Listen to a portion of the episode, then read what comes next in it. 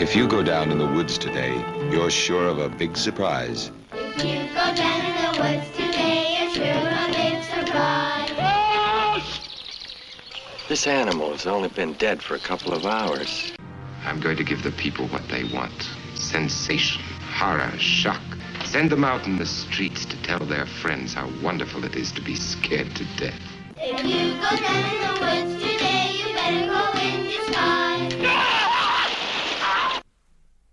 Välkommen till skräckfilmscirkeln.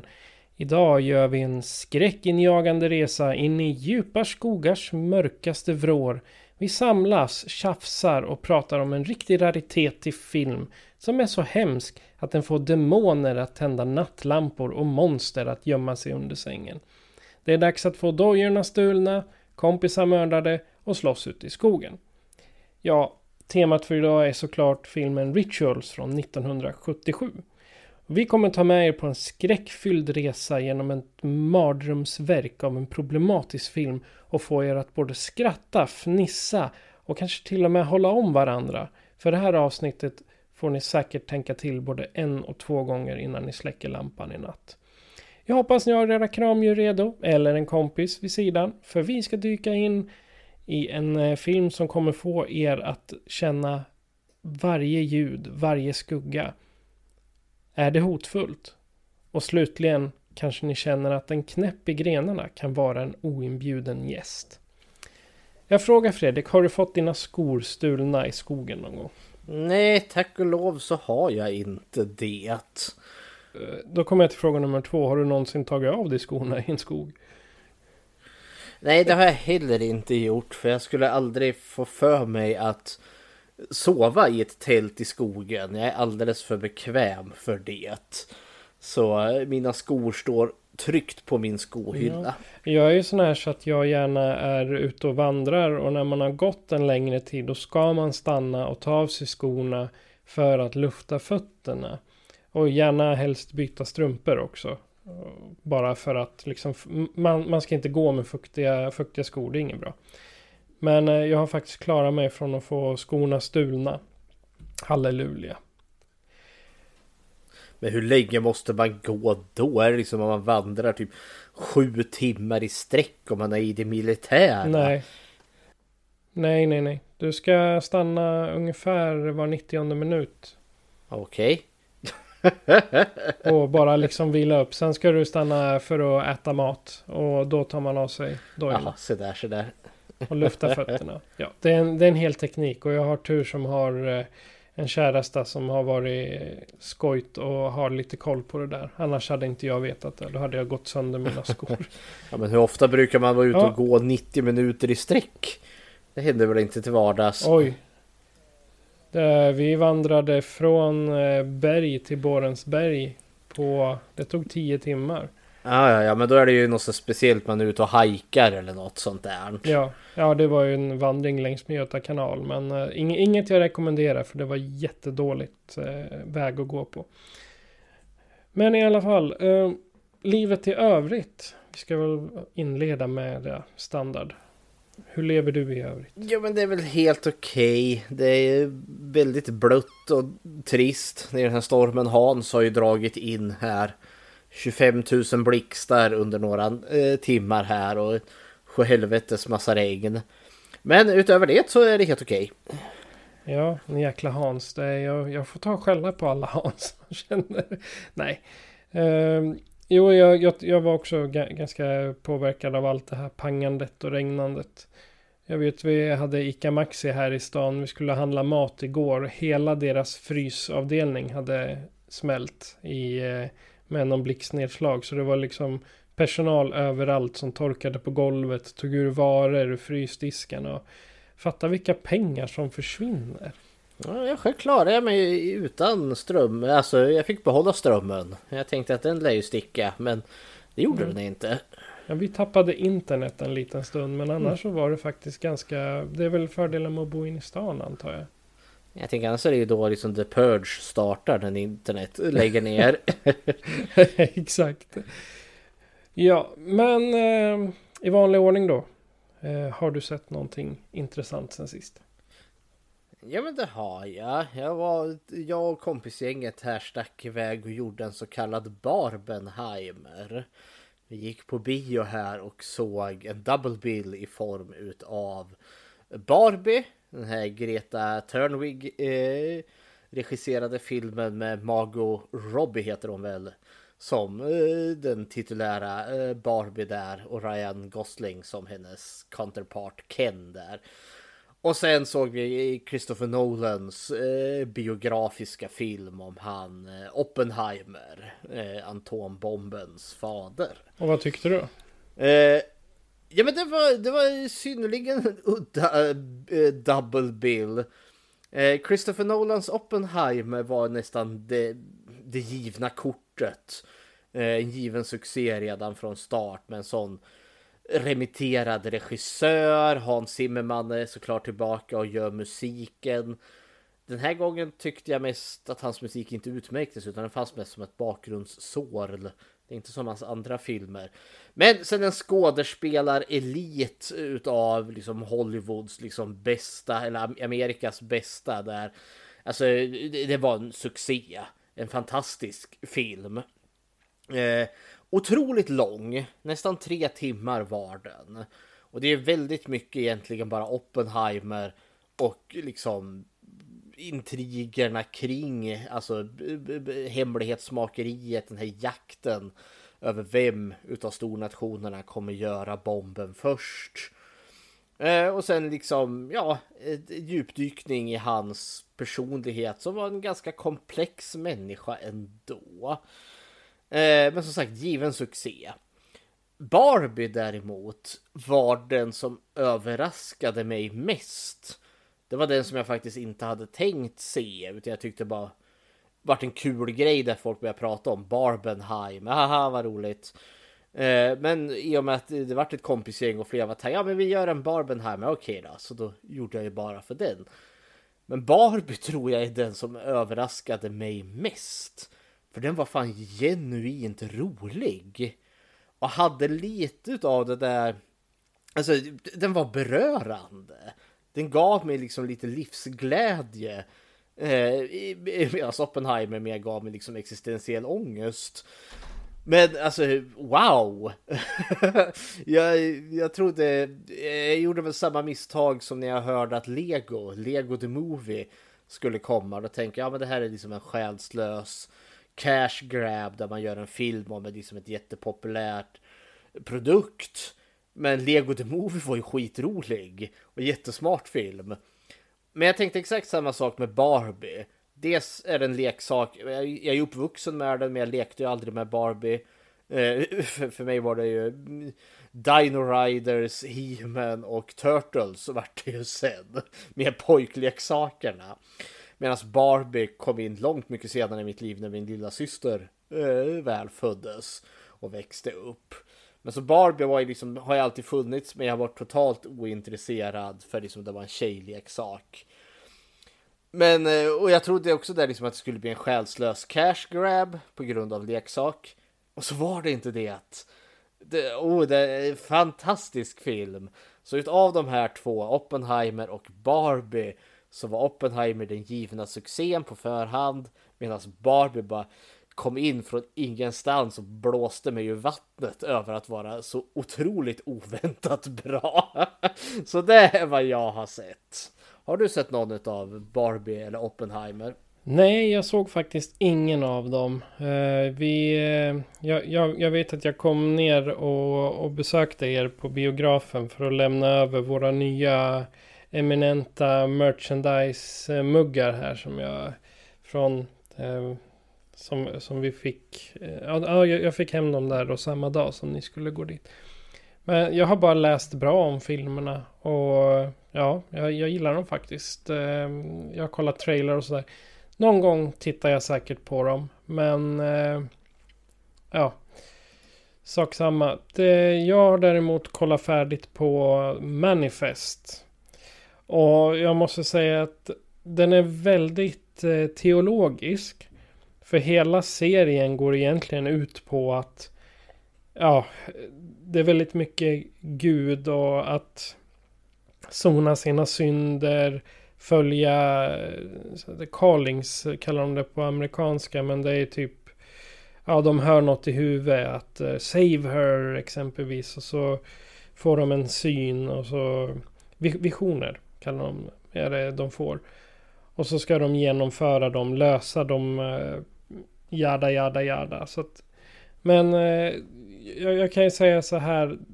Det är en, alltså en lost rip-off. Med lite religiösa ting och sen är twisten på slutet lite annorlunda mot Lost. Så att den hade inte det här... Eh, vad heter Inget, det? inget rökmonster den här gången. Nej, inte rökmonster men en eh, ung tjej som eh, tar tag i en sten och eh, skapar en vulkan under New York. Say what? Ja, un, alltså under, inte mitt i utan ja. Ja men du, du förstår hur Alltså sista säsongen den totalt fuckade ur. Var Oj, alldeles, det var alldeles fel. Alldeles för mycket. Men har alltså Gud eh, njukat ett flygplan för att de ska åka bakåt tiden och rätta till saker och sen skapa en underjordisk vulkan? Eller? Nej, nej. Det här är, alltså, det är ju, det börjar med att ett gäng ska flyga hem, hem från Jamaica. Och de, några blir kvar för att det är fullt på planet. De har Mhm. dubbelbokat. Så några blir kvar och tar planet efter mot att de får 200 dollar extra i pengar. Ja, okej, fine. Mhm. Men det planet som kommer efter. Det planet är borta under fem år. Och sen kommer det till, ja, där det skulle ha landat i fem, eh, fem år Ja, senare. de, de, de, reser ju i tiden eller vad det nu är. Ja, fast de reser inte i tiden utan de har, de har varit i the glow. Alltså Gud plockade bort dem från, nu var de ute och flög och sen tryckte han in dem i limbo. Ja, Och sen fem år senare tryckte han ut dem igen. ja, För att en galen brud skulle göra en vulkan under Los Angeles. Eller vad? ja, ja men så här, alltså det är, det är ju fyra, fyra säsonger, nästan hundra avsnitt. Jag säger, tar du en tripp på LSD och ser den här serien, då är det liksom, då Men, kanske man b- får eh, koll på den. Men men så, du sa att de var teologiska, så är det, är det Gud eh, och änglar och sånt som Ja. drar i det hela? Ja, inte, alltså inte bokstavligt talat, det är så de tolkar det. Ja okej, så det är lite ambivalent. Det är inte Gud som är ondingen här som, Nej, nej, är, nej. som är preacher. Nej, nej men mycket utav, mycket utav det som är med i filmen handlar om att de använder Bibeln, de använder lite gamla skrifter från Egypten. Eh, ja, och de, de plockar liksom, alltså det är mycket religion i det hela. Så har de plockat lite hipp som happ som de tycker Ja. om det. Så att, Och det, eh, slutar, och det slutar med en vulkan under en stad. Ja, men när, när, vul, när vulkanen har kommit då kommer flygplanet tillbaka. Och då ska alla in i flygplanet igen. Jaha okej. och flyga. Och sen kommer de tillbaka till, eh, nu, till den rätta tiden. Minus några stycken som dog på planet för att de hade syndat. Okej, vad- vulkanen då? Äh, Spräng, spräng staden åt helvete. nej, jag, jag vet inte. De lämnar ju det uni- universumet som jag förstår. Alltså det, jag säger sista säsongen var så fuckad så hela, de, de första tre var ändå ganska bra ur ett beteendevetarperspektiv. Det fanns liksom mycket det här med intriger mellan personer, psykisk ohälsa. Det fanns liksom en handling. Och nu sista, det måste ju vara någon ny som har tagit över produktionen. För det är lite som de gjorde med Lucifer när Netflix tog över sista säsongen. Total förstörde allting. Ja. Ja, nej, det, det låter inte som en serie jag kommer ge en chans. Nej, här. Jag, nej, Jag har, för, jag har för mycket att titta på ändå. Ja, nej men jag, jag gav mig fan på att se färdigt. Så, Men det kan jag respektera ändå. ja. Men, men eh, jag är besviken att staden inte sprängdes åt helvete, för det vill man ju se. Exakt, det vill man gärna se. Okej, men dagens eh, tema är ju Rituals från 1977. Och eh, jag vet att du har lite intressant att eh, prata om där. Ja, eh, för att rätta det. Temat är inte rituals. Alltså, te, eh, filmen är rituals och temat är Backwood Horror. Eller Backwoods Horror för att vara exakt.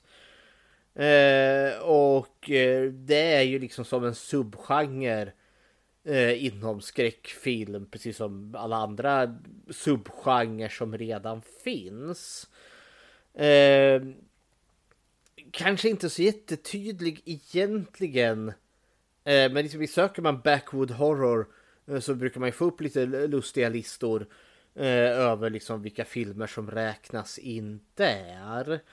Och då tänkte jag skulle försöka ge mig på då en liten förtydligande utav den här genren och lite när man kunde kanske spåra eh, dess start. För det är kul egentligen när man liksom ser de här Ja, genrestarter egentligen. För man, man brukar ju säga det finns ju egentligen bara två, tre manus egentligen.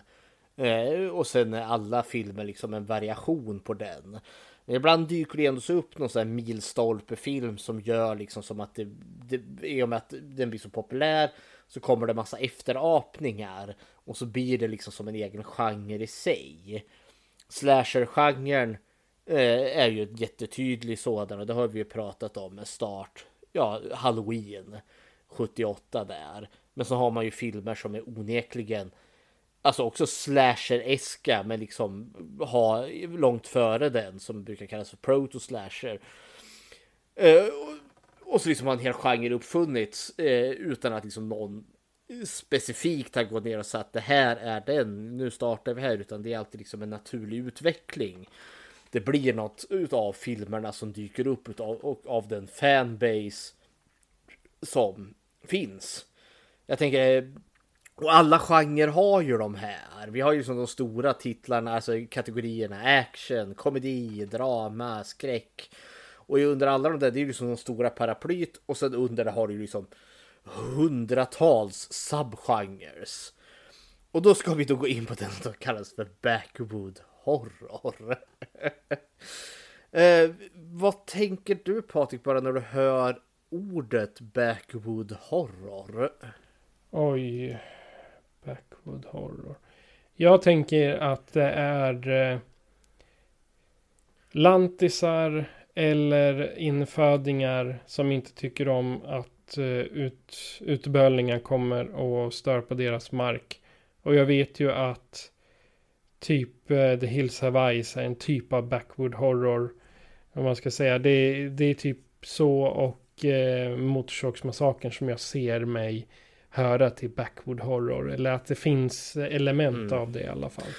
Ja, jo men det stämmer nog. För liksom Alltså, det stämmer bra det. Eh, och du är också inne på något där just att säga att det, liksom, det finns drag av det. För jag skulle hävda att som med väldigt många andra genrer så är det liksom de, de korsgifter sig med varandra.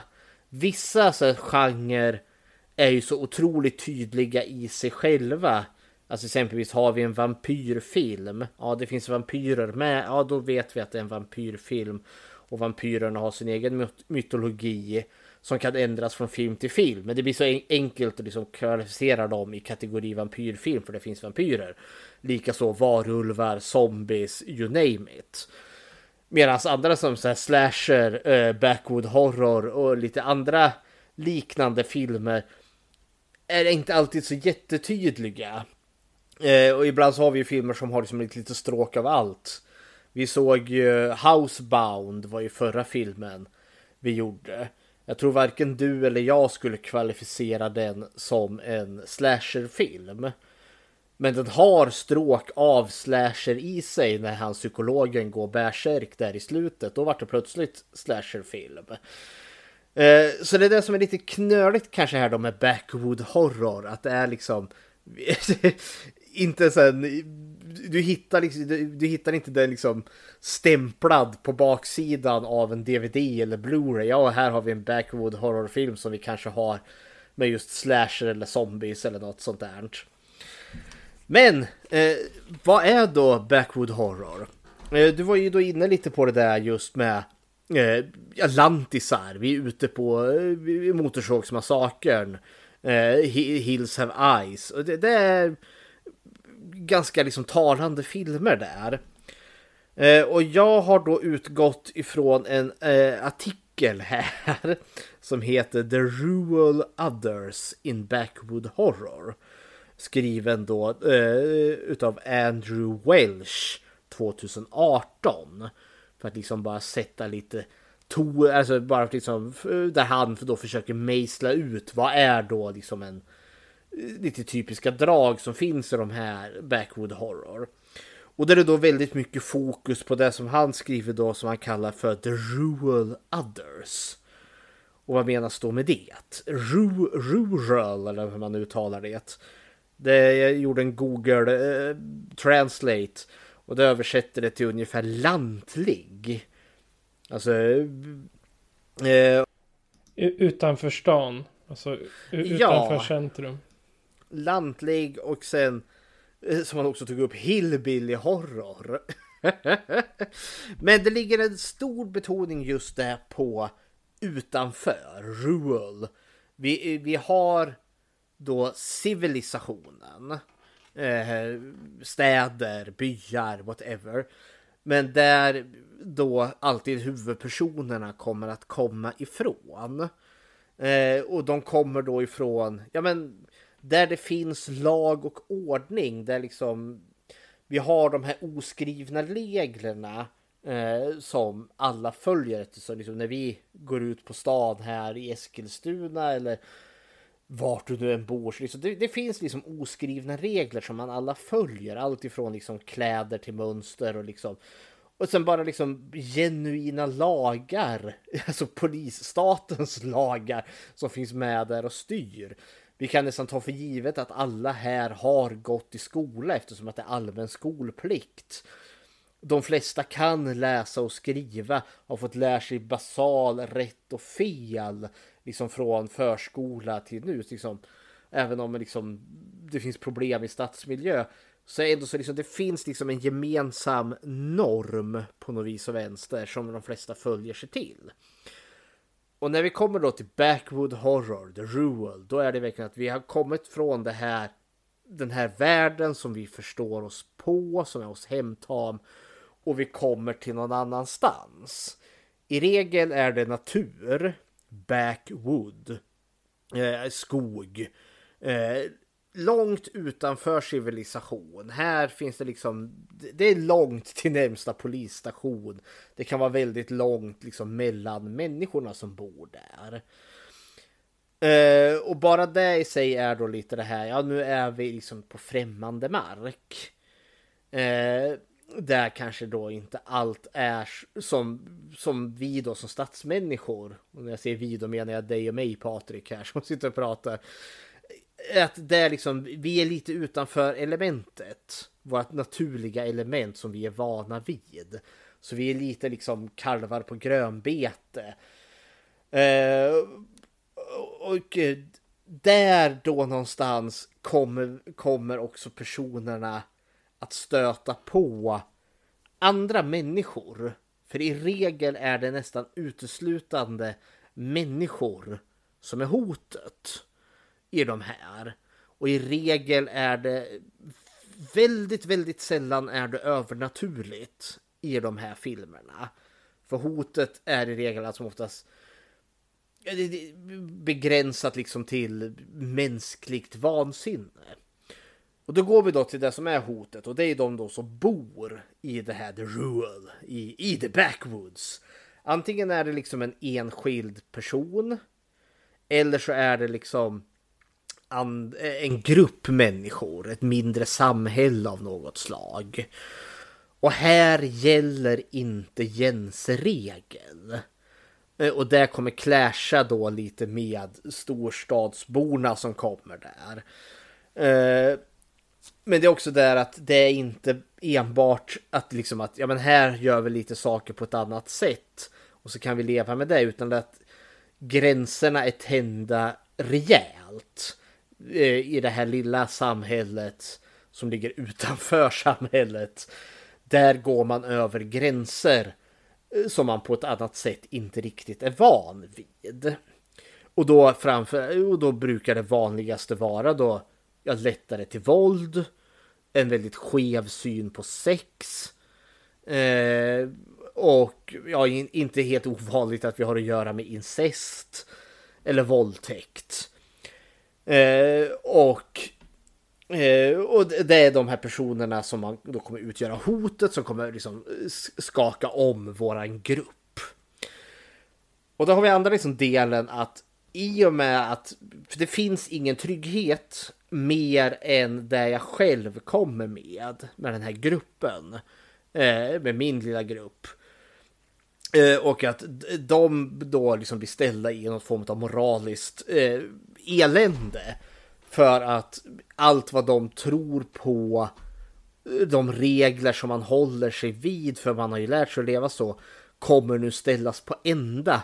Och man behöver eh, ja, ganska många gånger göra avkall på den här moralen för att liksom lyckas överleva.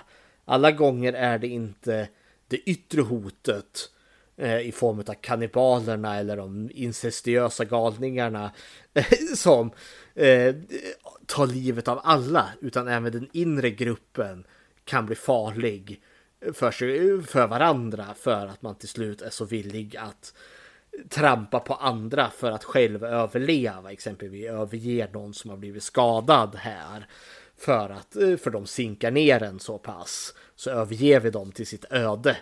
Eh, och så blir det s- slitningar i den egna gruppen och så vidare och så vidare. Som eh, de flesta andra filmer där det handlar om överlevnad. Ja, ja men, och det är det som vi har lite den här crossbreeding. För den här överlevnadsaspekten den hittar du ju även i zombieapokalyps filmer där folk, ja men Dawn of the Dead, folk ska överleva i den här eh, eh, varuhuset. Och så har vi de som kan arbeta med varandra och de som inte kan det. Eller eh, The Walking Dead har ju också det här, de som eh, arbetar i grupp och de som arbetar emot. Eh, nu ska vi se här. De, de som är med Rick Grimes och de som är emot honom. Ja, eller de som är med Negan där. eller guvernören och det galna gänget.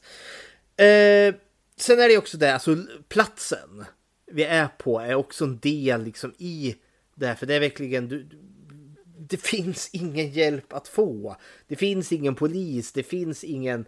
Alltså blir jag mörd, våldtagen och mördad här i skogen så kommer ingen att kunna hitta mig. Det finns den här risken att brottet eh, personerna blir utsatta för kanske aldrig någonsin kommer upptäckas eftersom att gärningsmännen eller kvinnorna kan, har, kan dölja det med att liksom gräva ner det i skogen eller något sånt. Ja, utan att någon hittar dig för du...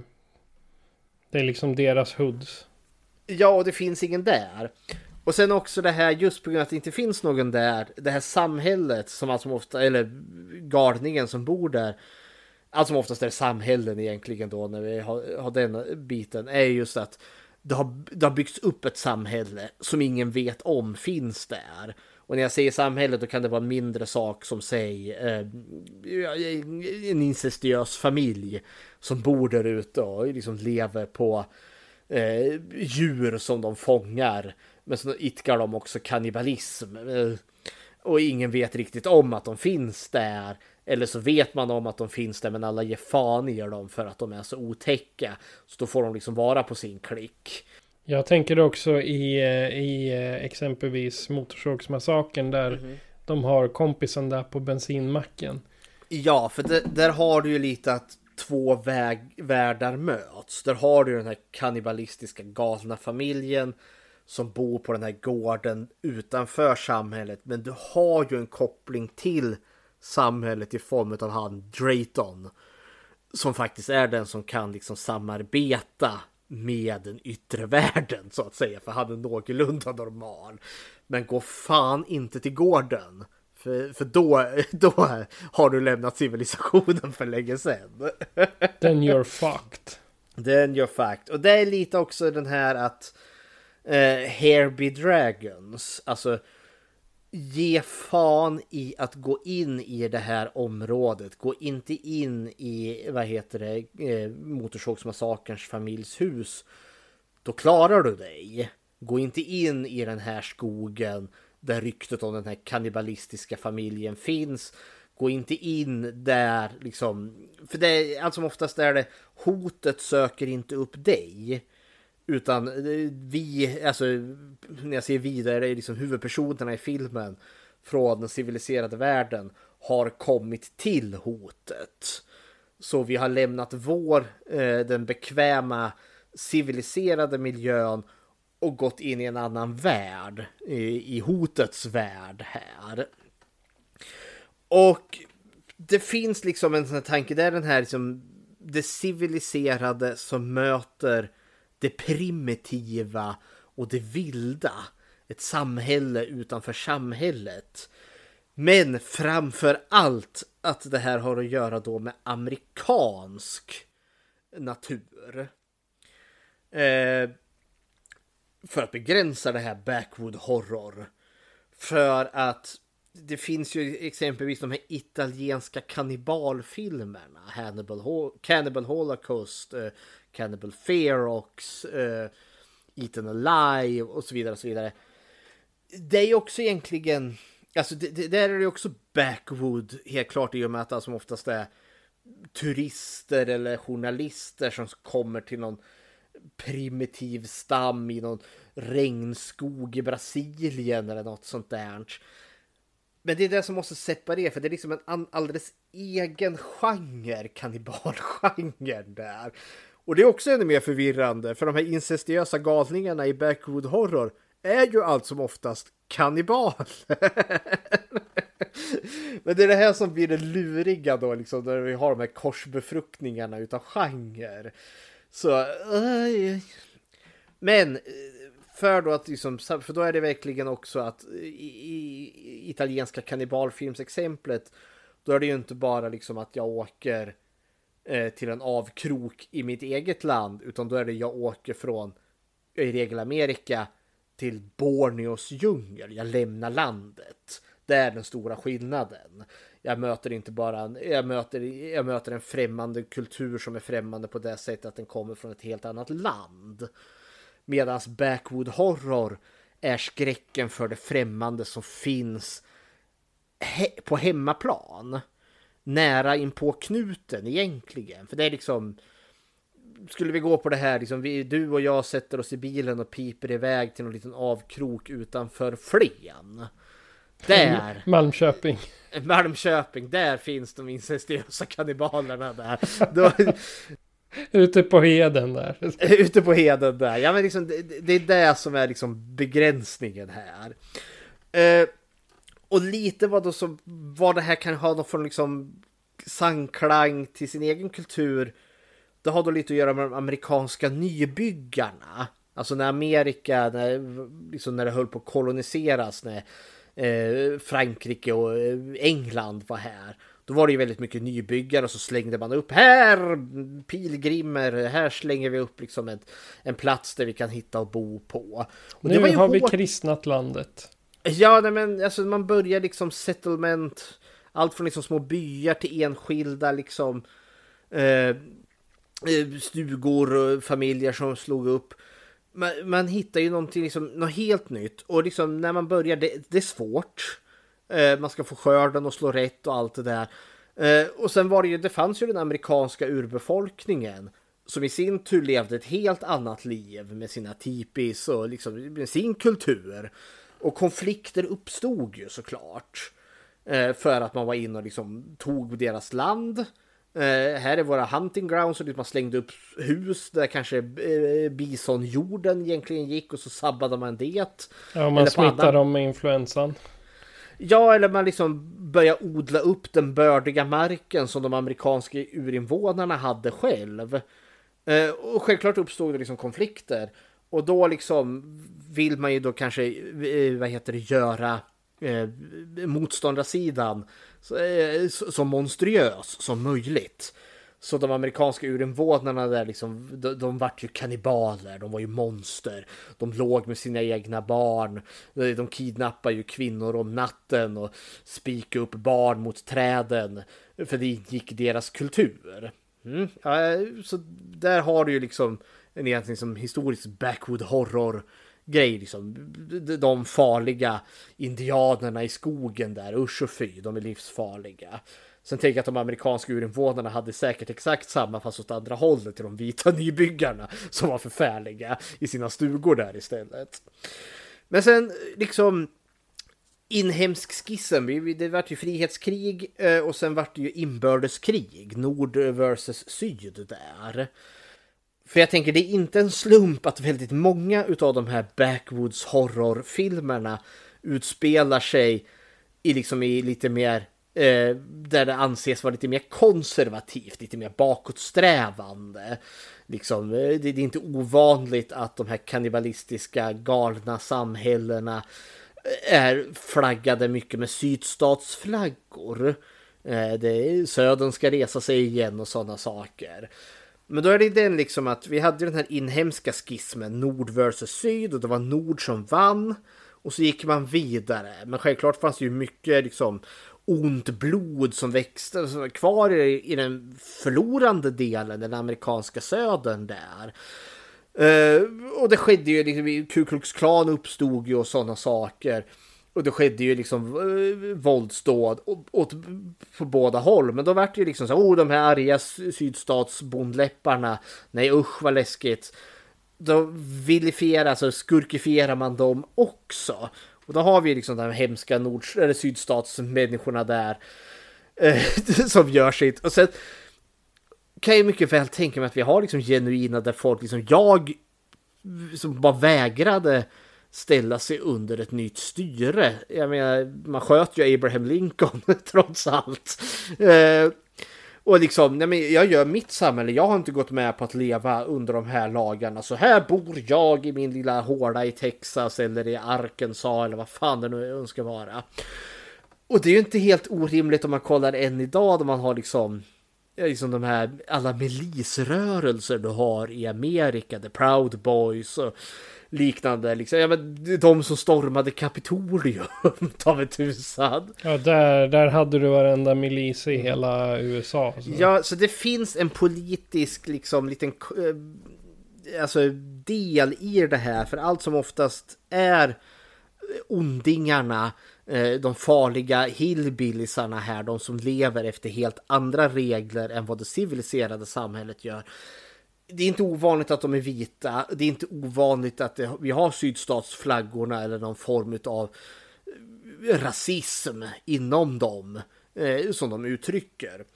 Eh, och det, det, det finns ju en, alltså ett visst klassförakt här då, för det är ju liksom de som är hotade är alltså oftast från medelklassen som kommer från ja, men det, det välartade staden och så möter de de vansinniga eh, lantisarna där ute i obygden. Eh, och det är heller inte ovanligt att bovarna är eh, vad heter det, ganska fula. De har, antingen är de liksom vanställda på grund av inaveln eller så på grund av deras dåliga leverne så har de tappat sina tänder. Eh, The Hills The Have Hills of Ice. Eh, eller så har de bara lågt IQ. Liksom, det, är liksom, det är människor som det inte går att resonera med. Motorsågsmassakern. Ja, det är liksom, för liksom, Om de, alltså där har jag en liten Mhm. anmärkning bara. Är de verkligen dumma?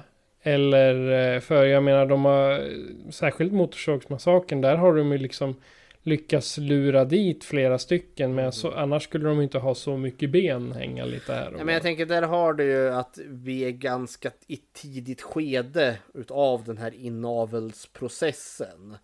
Att ju Drayton där är väl, det, det är ren vara där så att säga, men liksom är hans barn det sen det går ut för sen.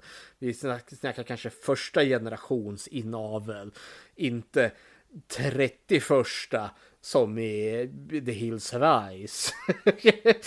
Så, ja, heppelehepp. Eh, så, så det finns liksom ett visst klassaspekt i, i de här filmerna också. Och då lite exempel på, eh, ja, det, det finns ett verkligt, inom situationstecken, verkligt förlaga. Och det är ju familjen Sony Bean, eller Sa, Sony Bean. Eh, en mytomsbunden historia om eh, familjen Bean som under mellan 1500 till 1600 där någonstans eh, i Skottland bosatte sig i en, vad heter det, en gruva. Hittar de ett hål i, i, i, i skogen där i, i, i höjd, eller vad heter det, the highlands där. Eh, och där ska de då ha livnärt sig på att liksom råna och mörda och våldta. Och den där ska då ha blivit större och större och det ska ha blivit en jätteincestiös familj. Och så ska de ha kannibaliserat och hej vad det gick och de ska ha mördat typ tusen pers. Hej vad det går. De historiska källorna är väldigt, väldigt svaga. Men de fanns ändå så liksom där, ja men säg mitten 1500-tal berättelser om de här den incestuösa, vansinniga, onda jävla backwards-familjen som bor utanför alla sociala normer som finns. Så jag tänker, det det har alltid funnits på ett eller annat sätt. Lite filmnedslag här då. Det man skulle kunna hävda är liksom kanske bland de första. Det är då eh, Herschel Gordon Lewis film. Eh, 2000 Maniacs från 1964. Eh, Herschel Gordon Lewis är ju känd för ja, men, splatterfilmens fader, eller den amerikanska splatterfilmens fader. Eh, The Grandfather of Gore, vilket är en titel som han bråkar med Lucio Fulci som också brukar få den titeln. Eh, nej men där har du ju verkligen det är nu spelas ju i den amerikanska södern i en liten stad som har då 2000 galningar. Eh, som då liksom i union där de mördar folk som inte då tillhör eh, sydstaten där. Och där har du ju liksom, det, det är bara tapetserat med sydstatsflaggor. Uh, the South gonna rise again, weha! Och sen inavel och mord, hej vad det går. Men det som man brukar säga liksom är den, den stora kickoffen för 2000 Maniacs från 64 en, var en sån här lågbudget Gorefest som gick på drive-in biosarna som vart en kultis, en kultrulle. Den som vart stor däremot, det var ju John Bormans film Deliverance. Eller Den sista färden från 72. Eh, En av våra tidigare avsnitt här på podden. Absolut inget för barn. Absolut inget för barn. Ja, men där har du ju verkligen ja, men storstadsmänniskorna på kanotresa. Eh. Sen blir det ju våldtäkt där ute i skogen. Skrik som en gris. Eh, när de möter de här otäcka jägarna och sen ballar det ju bara ut för. Den filmen slog ju ner, den vart ju jättepopulär och det är också en välproducerad och välskriven film.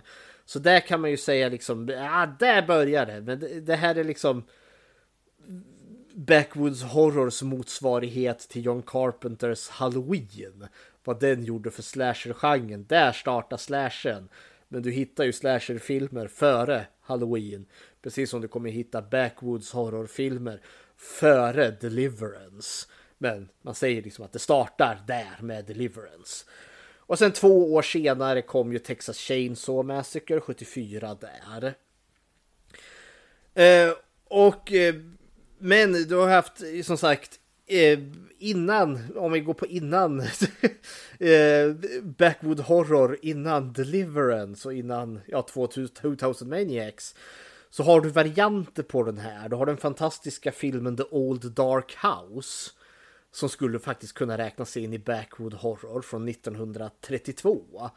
Men där utspelar det sig på ett stort slott. The Old Dark House.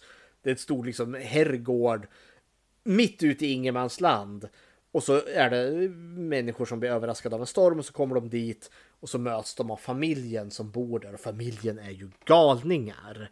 Men du har inte den incestuösa biten, du har inte att de är eh, vad heter det, outvecklade hillbillies utan här är det ju överklass egentligen. Alltså de som bor där på slottet är ju gamla liksom grevar och baroner. Men som är helt jävla slut i huvudet. och det var också ganska typiskt för eh, alltså tidig skräckfilm som går in, alltså du åker i regel till slott. Eh, gamla läskiga herrgårdar, Draculas slott eller Frankensteins eh, herrgård och så vidare. Och så vidare. Eh, Sen har du ju den här Spider Baby 67. Eh, den skulle man också hävda är ju väldigt liksom backwood horror.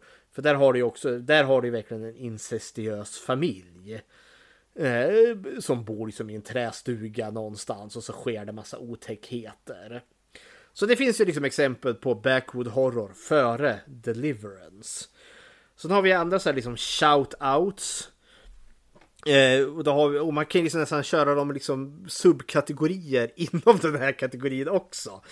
Men det har ju liksom vad jag skulle kunna kvalificera den onda familjen. Eh, och, och då har vi ju då Texas Chainsaw Massacre eh, från 74. Du har Inbreds från 2011, 2000 Maniacs 64 och sen remaken från 2005. Och sen The, Hill, The Hills Have Eyes från 77 och remaken 2006 och dess uppföljare. Eh, och det är enkelt att fokusera kanske på hotet då, för då är det ju den här galna familjen. Men då är det ju så specifikt att det är en familj. Och i regel har det kopplingen just att den är incestiös. Det finns ett släktband mellan galningarna där. Men sen har det andra då liksom där samhället eh, är farligt i sig. Det onda samhället, backwoods horror. Och då skulle jag hävda att, ja men Children of the Corn. Där har du den eh, Eh, aspekten, även om du har liksom en galen barnkult. Men det är också en ba galen barnkult på någon jävla majsåker, minst, alltså ute i ingenmansland. Så då har jag, okej, okay, mm, så det är en variant av den. The Village, eh, Shamalongs fantastiska konstiga film om ett samhälle som har bosatt sig liksom utanför.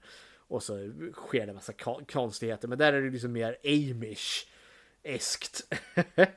och sen Jugface från 2013 om en eh, fantastisk liten indiefilm om, en, om ett samhälle som är byggt efter att de måste offra människor till en eh, gud som bor i ett hål. Och så, och så länge de gör det så är allting frid och fröjd. Men eh, för, för guden beslutar vem som ska offras. Och offras inte den personen, ja då är det hell to pay. Men det är just det att ett helt samhället har byggts upp i den här lilla staden kring den här offerkulten, kring den här guden. Och de är mitt ute i skogen och då liksom, ja, hej hopp. Sen har vi det där vad jag skulle kalla för kampen om överlevnads backwoods horror. Och då sista färden som vi nämnde här innan. Eh, och sen filmen som vi ska prata om, Rituals. Eh, och sen eh, en eh, fantastisk film som heter The Sudden Comfort. Eh, eh en militärövning som går käpprätt åt helvete när de är ute i eh, någon jäkla träskmark där och lyckas reta upp eh, vad heter det, lokalbefolkningen i en närliggande by. Och så får de hela stan efter sig där. Ajsingen bajsingen som måste överleva, ducka eh, arga bönder med gevär samt krokodil.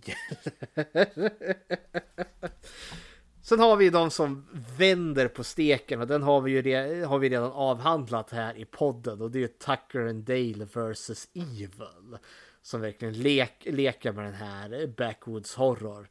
Där eh, då, eh, då är det tvärtom. Det är då hillbillisarna, lantisarna eh, som alltid är hotet i de här filmerna, är ju the good guys. Och storstadskidsen, som ska vara de som vi följer, är ju the bad guys i den. ja men det var väl, alltså, backwoods horror. Wrong Turn är väl en sån där bra exempel på så incestiös familj. Och det finns säkert en hel hög andra jäkla titlar som jag inte har kommit ihåg att nämna här. Men det har gett en liten bild. Backwoods Horror, det är verkligen alltså det här samhället i vårt egna samhälle som inte går efter våra regler. Det är i regel vita rasistiska inavlade kannibaler som är hotet. Från södra filmen. USA. Ifrån södra USA. Men där, hepp, Backwoods Horror. Okej. Okay. Eh, kan man eh, säga att eh, Hostel är en backwoods horror? det är en variant på det men alltså den, eh, alltså det är ju det här korsbefruktningen av genrerna. Men där har du ju snarare för vi, den faller ju väldigt mycket in i den här tortyrporrgenren. Men du har ju den här den rika eliten som köper folk och har skapat sig ett, ett, ett, en frizon, ett samhälle inom samhället där de kan få tillåtas göra mord och hemska övergrepp. Eh, och den här gruppen tycker det är okej. Okay. Så det är ju en spin på backwoods horror. Helt klart. Fast ja, jag, jag, jag ser kopplingen. Men det, det, det är inte den här solklara liksom, ja det här är backwoods horror utan det finns väldigt starka drag av backwoods horror i den. Ja, och vill man... Eh, jag pratade med Caroline Grimwalker här för, eh, för ja, det är väl ett halvår år sedan. Då skrev ju, hon skriver ju böckerna om Trickster. Och har kommit en uppföljare till eh, den första rekryteringen och nu finns det en som är undsättningen. Och den utspelar sig bland annat på ett kryssningsfartyg. Där man köper människor och gör lite som man vill med dem. Ja, Hostel fast på en båt. Ja, precis. Så att jag, re jag rekommenderar Trickster-serien av eh, eh Caroline Greenwalker. Den finns på Nextory, Bookbeat, eh, på Akademibokhandeln för den som vill läsa den på papper. Nåväl, men det är inte där vi är här för idag. Då överger vi faktastunden och eh, kliver över till eh, Filmen Floden utan återvändo eller Rituals från 1977. Eller The Creeper som är också en titel. Kärt barn har många namn. Ja. Exakt, jag kollade på IMDB, mm -hmm. finns en hel del. Så här kommer en trailer. If you go down in the woods today, you're sure of a big surprise. If you go down in the woods today, This animal has only been dead for a couple of hours. Look, Harry, somebody's playing a very sick game with us, and I want to know who, and I want to know why. If you go down in the woods today, you better go in disguise. Ah! April's dead, Harry. Was it a man? Man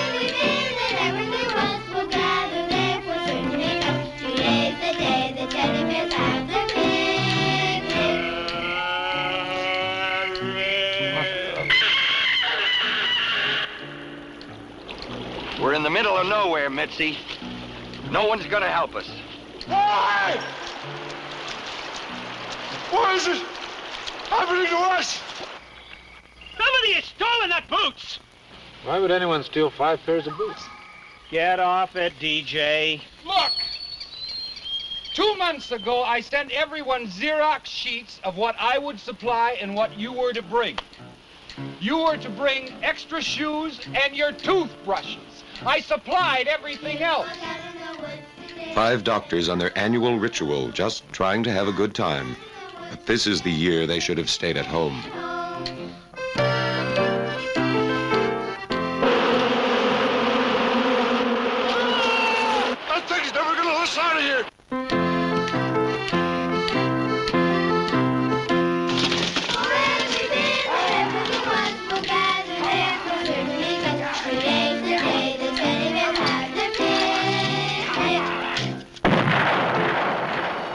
Rituals isn't a picnic.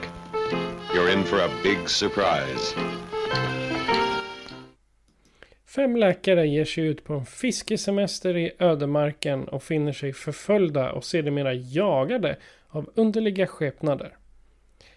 Det är plotten till Floden utan återvändo, Rituals, eller vad hade du för mera för namn? The Creeper. Ja. Så Fredrik, hur kom du i kontakt med Floden utan återvändo? Fast vi kan ju säga Rituals för det är vad vi går under avsnittsnamnet. Förvisso. Men allt blir bättre på svenska som de säger i film, äh, film till fikat-podden. Men eh, jo, det är en ganska trevlig titel ska jag vilja erkänna. Men Rituals eh, från 77. Mitt första möte med den det har faktiskt att göra med det som varit inspirationsförlagan till den här podden. The Hysteria Lives. Eh, eller ja, deras hemsida Hysteria Lives. Eh, podden heter The Hysteria Continues. Eh, som då fokuserar uteslutande på slasher-genren. Slashern, jallon, krimin. Eh, galna människor som jagar andra människor och mördar dem. Eh, på hans hemsida han, Justin Kurzwell. Eh, som verkligen, den har år på nacken nu. För fan, jag gick på gymnasiet när den här fortfarande fanns. Och fan, jag gick ju på gymnasiet på den tiden man var tvungen att ringa upp internet. Då Alta Vista var en grej. Ja, och MySpace och Lunarstorm, kommer du ihåg det? Jajamensan. Oj, oj, oj. Men där, för han har ju listat då Eh, eh, alltså mängder med slasherfilmer som han har. Eller filmer som är slasher-eska. Eh, på, på sin hemsida. Och gett dem betyg. Och jag gav mig hän på att jag skulle se så många som möjligt av de här. Och framförallt vart det ju då de med högst betyg först. Och Rituals, den gav han fyra och en halv av fem möjliga. Och pratade jävligt gott om den. Eh, så det är mitt första möte, alltså tidigt 2000 där någonstans hör jag talas om den här filmen. Eh, och är jättenyfiken på den, just för att den har så bra betyg där på The Hysteria Lives. Men det var ett jävla ader att överhuvudtaget ens hitta hitta en utgåva av den här.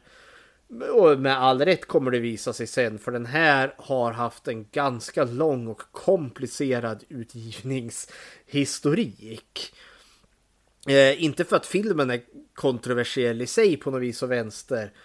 Men den här, det här höll på att bli en förlorad film visar det sig.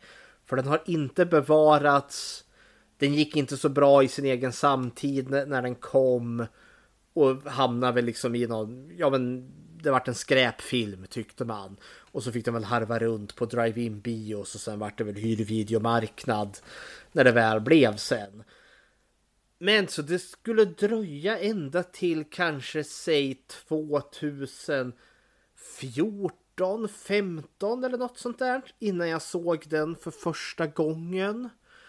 Eh, och då var det verkligen en sån här hemsk horribel DVD-box med så här, vad är, 50 filmer.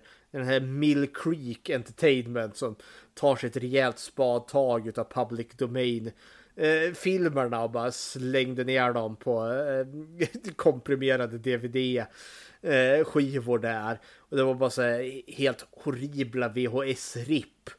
Så de går knappt att se. Men där dök den upp för första gången. Och jag var helt exalterad. Och det var jag. tyckte fortfarande det var... Eh, ja men, så, det var fortfarande en bra film, men det gick knappt att se vad det var som hände på den. men det är min historia kring den. Alltså, jag läste om den på The Hysteria Lives tidigt 2000. Sen skulle det dröja nästan 15 år innan jag kunde se den för första gången.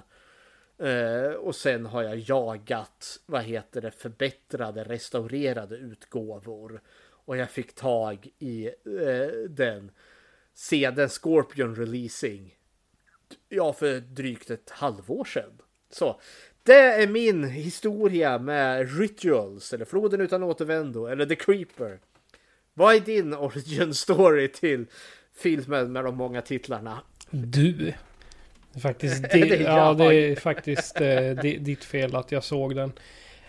Ja, nej, det, det, är ditt fel att jag såg den, såg den, såg den, att jag fattade vad det var jag såg. För jag hade sett den här innan på typ YouTube eller någonting. Men eh, den var ju, det var ju så dålig kvalitet så jag tänkte bara, ja, men nu är det någon eh, så här cam-utgåva de har stått och filmat i, i, i biografen under tiden. Men eh, Nej, den var ju tydligen så dålig. Alltså så dålig kvalitet. Jag, jag hade sett den innan, typ, en stund. Men sen när vi kollade på den på skräckfilmscirkeln då... Då såg jag den på riktigt. Och jag var väl hyfsat där eh, imponerad av den. Ehm, jag var mera, nej. Då var den inte så mycket. Men sen när man verkligen har tid att titta. Liksom är pigg och tittar. För det, det var jag när jag såg den här. Då var jag inte trött som jag kan har en tendens att vara ibland. Då ser man liksom vad som händer runt om och alla egentliga ska säga, motståndaren här. Och jag skulle säga att de är mera varandras motståndare än vad de är liksom i med monstret så att säga. Ja, för det hör väl... Alltså det här är ju, kan vi säga på förhand. Det, det, det är svårt att hitta en fin utgåva. Nu tror jag den här Scorpions Blu-ray restaurering finns väl utlagd på Youtube i sin helhet, tror jag. Eh, och, men för det ska höra till att som sagt det här höll på att bli en förlorad film. Just på grund utav att den harvade runt som den gjorde så bevarades liksom inga direkta negativa. Så den här gick ganska hårt åt gången. Det finns liksom inget original som ligger i något arkiv någonstans eh, som man har kunnat göra eh, liksom, eh, en snygg restaurering med. Sen tror jag också att den var begränsad redan när de gjorde den, för det här, det här är inte en högbudgetfilm utan en, en ganska lågbudgetsak. Eh, och att de hade problem med ljussättningen när de gjorde den här filmen. För många har sagt att ja, det är inte först restaureringen kom som man faktiskt kan se slutet på den här filmen. För det är så otroligt mörkt annars. Med det sagt, Scorpion eh, var ju de som restaurerade den här. Och kom, fick en ganska begränsad utgåva alltså, av det fysiska mediet ändå. För det här är verkligen en kult, kult, kult, kult film med, liksom, med sin otroligt smala lilla fanbase. Men till och med den då som är liksom den, kanske den bästa restaureringen som finns av den här. Till och med där är bildkvaliteten ganska dålig stundom. Eh, så liksom, ja. Men det här är också det som är kul med liksom skräckfilm, framförallt för alla andra genrer utav film. De tenderar att få sina fans. För ja, det är ingen spoiler, eller ja, det är en spoiler här nu. Att jag är onekligen väldigt positivt inställd till den här filmen. För jag hade tyckt det var så jävla förlust om den här hade gått liksom förlorad. För jag tycker det här är en liten så här, it's a hidden gem. En riktigt härlig film. Men jag ska också komma ihåg att den här vart ju jättemycket beskylld för att vara en dålig kopia utav Deliverance, den sista färden. Och jag förstår att den här har säkert enbart gjorts på grund av att sista färden har gjorts. Med framgångarna i den. Eh, eh Rituals hade kanske inte gjorts om, om den filmen inte hade gjorts och varit så framgångsrik. Men så lika är de inte. Det är väl, alltså estetiken finns där. Men sen, det är lite att jämföra äpplen och päron. Eh, vi har väldigt lite banjospelande våldtäktsmän i den här filmen. ja, sak samma. Eh, du fick vi lite bakgrund liksom, kring berättelsen om den här filmen. Frågan är om det är någon av de här gubbarna som lever fortfarande av de som var med. Nej, jag tror uh, inte det. Holbrook, Holbrook dog 2021. Uh, Lawrence Dane, han... Ja, han verkar leva fortfarande. Nej, där. Han dog 21 mars förra året. 84 år gammal. Robin Gammel. Han lever, han, han lever än. Jajamän, ja, han är född 36. Han är mm. vad blir han, 90 bast då. Men Ken James, han är död och så var den sista gubbe där, Gary Ring... Reinik. Han lever än. Så okay. två av fem är fortfarande vid liv här då. Och det här är ju då våra gubbar. Vi kan ju bara nämna eh, karaktärerna vid namn här. Det är kompisgänget Harry, eh, Mitzi, Martin, Abel och DJ. Det är våra fem doktorer här då som är ute på äventyr. De är väl blandat eh, hjärtdoktorer, neurologer, Mhm. något sånt där. De är i alla fall överläkare allihopa. Ja, det, och det är väl det som är kopplingen vi förstår. För också en shoutout här direkt är ju att vi har att göra med en grupp medelålders män. De är mellan liksom 40 och 50 allihopa de här. Istället för den klassiska liksom ungdomsgänget som vi allt som oftast har.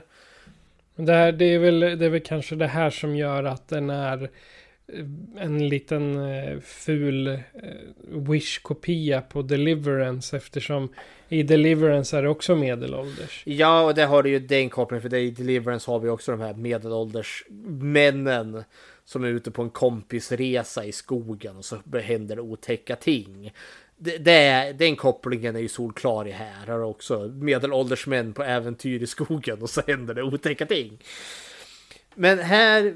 Eh, den här, för jag tolkar det ju som att de här har ju träffats på läkarskolan eller genom sin verksamhet som läkare har deras vägar korsats på ett eller annat sätt. Antagligen genom att de har varit på konferenser tillsammans och så har de eh, tycke uppstått vänskap där. För det är också, det är inte vilka läkare som helst som du nämnde där, utan det här är läkare ganska högt upp eh, i hierarkin. Specialläkare eh, och allt vad det är. Och de verkar ju befinna sig lite olika i karriären. Eh, alla är nog inte överläkare. Det är ju någon av gubbarna som är liksom chefsöverläkare. Och de andra är liksom mittemellan kirurg, läkare någonting. De ger inte så tydliga, tydlig information om vad respektive person har för nej, typ. de är nog alla högt upp, eller åtminstone har varit. Eh, Harry, som är våran huvudperson. Eh, som vi kommer få följa majoriteten av filmen med. Och det, jag spoiler alert, den enda som är kvar vid livet i behåll. När den här filmen är slut. Eh, frågan är om dock han känner att livet är så mycket värt att leva efter allt han har varit med om när den här filmen är slut. Men han får vi det, han är neurolog ändå. Sen har vi ju Mitzi som är eh, Ja men hans De tolkar Harry och Mitzi är väl kanske de tajtaste av vännerna där. De har hängt ihop mest. Och Mitzi han är väl den som jag tolkar är typ överläkaren. Han är den mest framgångsrika. Han förespråkar något större läkemedelsföretag. Han är den som rekryterar folk. Han är den... Där jävlar i mig finns det pengar. DJ eh, är den yngre brorsan till Marty. Heter väl han, eller Martin. Och det är väl DJ som är den riktiga friluftsnörden också. Dels är han Han som har, han har extra skor, han har rejäla grejer med sig. Ja. ja men han, eh, och han är väl också, han är väl den, han är plastikkirurg om jag tolkar det rätt. För han pitchar ju någon idé där om hur man förlänger eh, snoppar på folk. och liksom tror att han ska göra stora pengar på det. Marty är den äldre brorsan där. Och han har varit högt uppsatt läkare men har tagit sig ett kliv ner i karriären. Och är nu liksom doktor på ett steel mill, ett stålverk. Antar jag. Liksom företagsläkare antar jag. Man har förstått att det, någonting har hänt där han, för han dricker ju som en jäkla svamp också. Eh, ja, men han- är den som har tappat i, i, i karriären. Han har gått ner sig. Det är ju de, de jättestora företagen har ju egna läkare och sköterskor på arbetsplatsen och Steelmill är ju stålverk. Ja, och för... Men jag tolkar ändå som att det är någonting mindre här. För Mitzi har ju lite... Eh, ett ont horn i sidan med honom. Eller det känns som att Mitzi ser ner lite på eh, Martin. För att eh, Mitzi är ju högst upp i hierarkin och han tycker att Martin har tappat det och är nu bara en jävla slaskig företagsläkare. Och sen sista då är då Abel. Eh, och han var den enda jag inte varit klok på vad han har för position överhuvudtaget. För det, jag tycker inte filmen framställer det, eller gör det inte tydligt. Men de andra herrarna kan, kunde jag tolka fram. Men Abel, han är väl bara Allmänläkare. Allmän, duktig kirurg, för jag vet att han... han det, det, ja, de diskuterar väldigt mycket kirurgi, så förmodligen är han väl någon så allmän kirurg. Bara vanlig, vanlig läkare, alltså säga vanlig, alla läkare är ju välutbildade, men jag tänker han kanske är en Ja, en, en sån du träffar på vårdcentralen eller någonting. Nej, jag tror inte det här. Ja, Martin kanske snarare har gjort den resan. För jag tror alla de här fem herrarna är högt upp i hierarkin eller har varit det som i Martins fall. För där har ju han haft ett fall där han då har bränt ut sig och gått in i alkoholism visar det sig. Eh, som jag tänker, de här, det här är, de är specialister allihopa på ett eller annat sätt. Eh, så det, det är högdjur, det här är människor som Eh, rullar i pengar. Om jag tolkar det rätt. Och Mitzi är den som rullar mest i pengarna. Eh, som den mest framgångsrika av dem alla. Jaha, du, fick mig en liten snabb sammanfattning på de här. Men vad tycker du om de här gubbarna? Har du någon... Eh, om vi tar så här, vem av de här herrarna tycker du bäst om? Måste jag tycka om någon överhuvudtaget? jag tycker alla är lika douchiga mot alla. När the, the shit hits the fan så att säga, då märker man vilka personligheter de är och alla är några riktiga skitstövlar. Ja, alltså... Ingen, alltså ingen, ingen tycker om någon. De hjälper inte varandra. Helst av allt han som de får bära på en bår. De säger bara lämna honom. Ja, det är eh, Mitzi vill ju över och det är ju han Martin, han som har haft, eh, han som har tappat i karriären där. Han blir ju en börda för dem efter att han har trampat i en björnsax. Som eh, filmens elacking här har lagt ut. Men alltså, det, jag upplever redan när den här filmen startar. Jag har det här kompisgänget på de här medelålders männen som befinner sig lite olika i karriären. Eh, att det är inte riktigt smooth sailing här. Det, det, det skaver redan här när de ska iväg.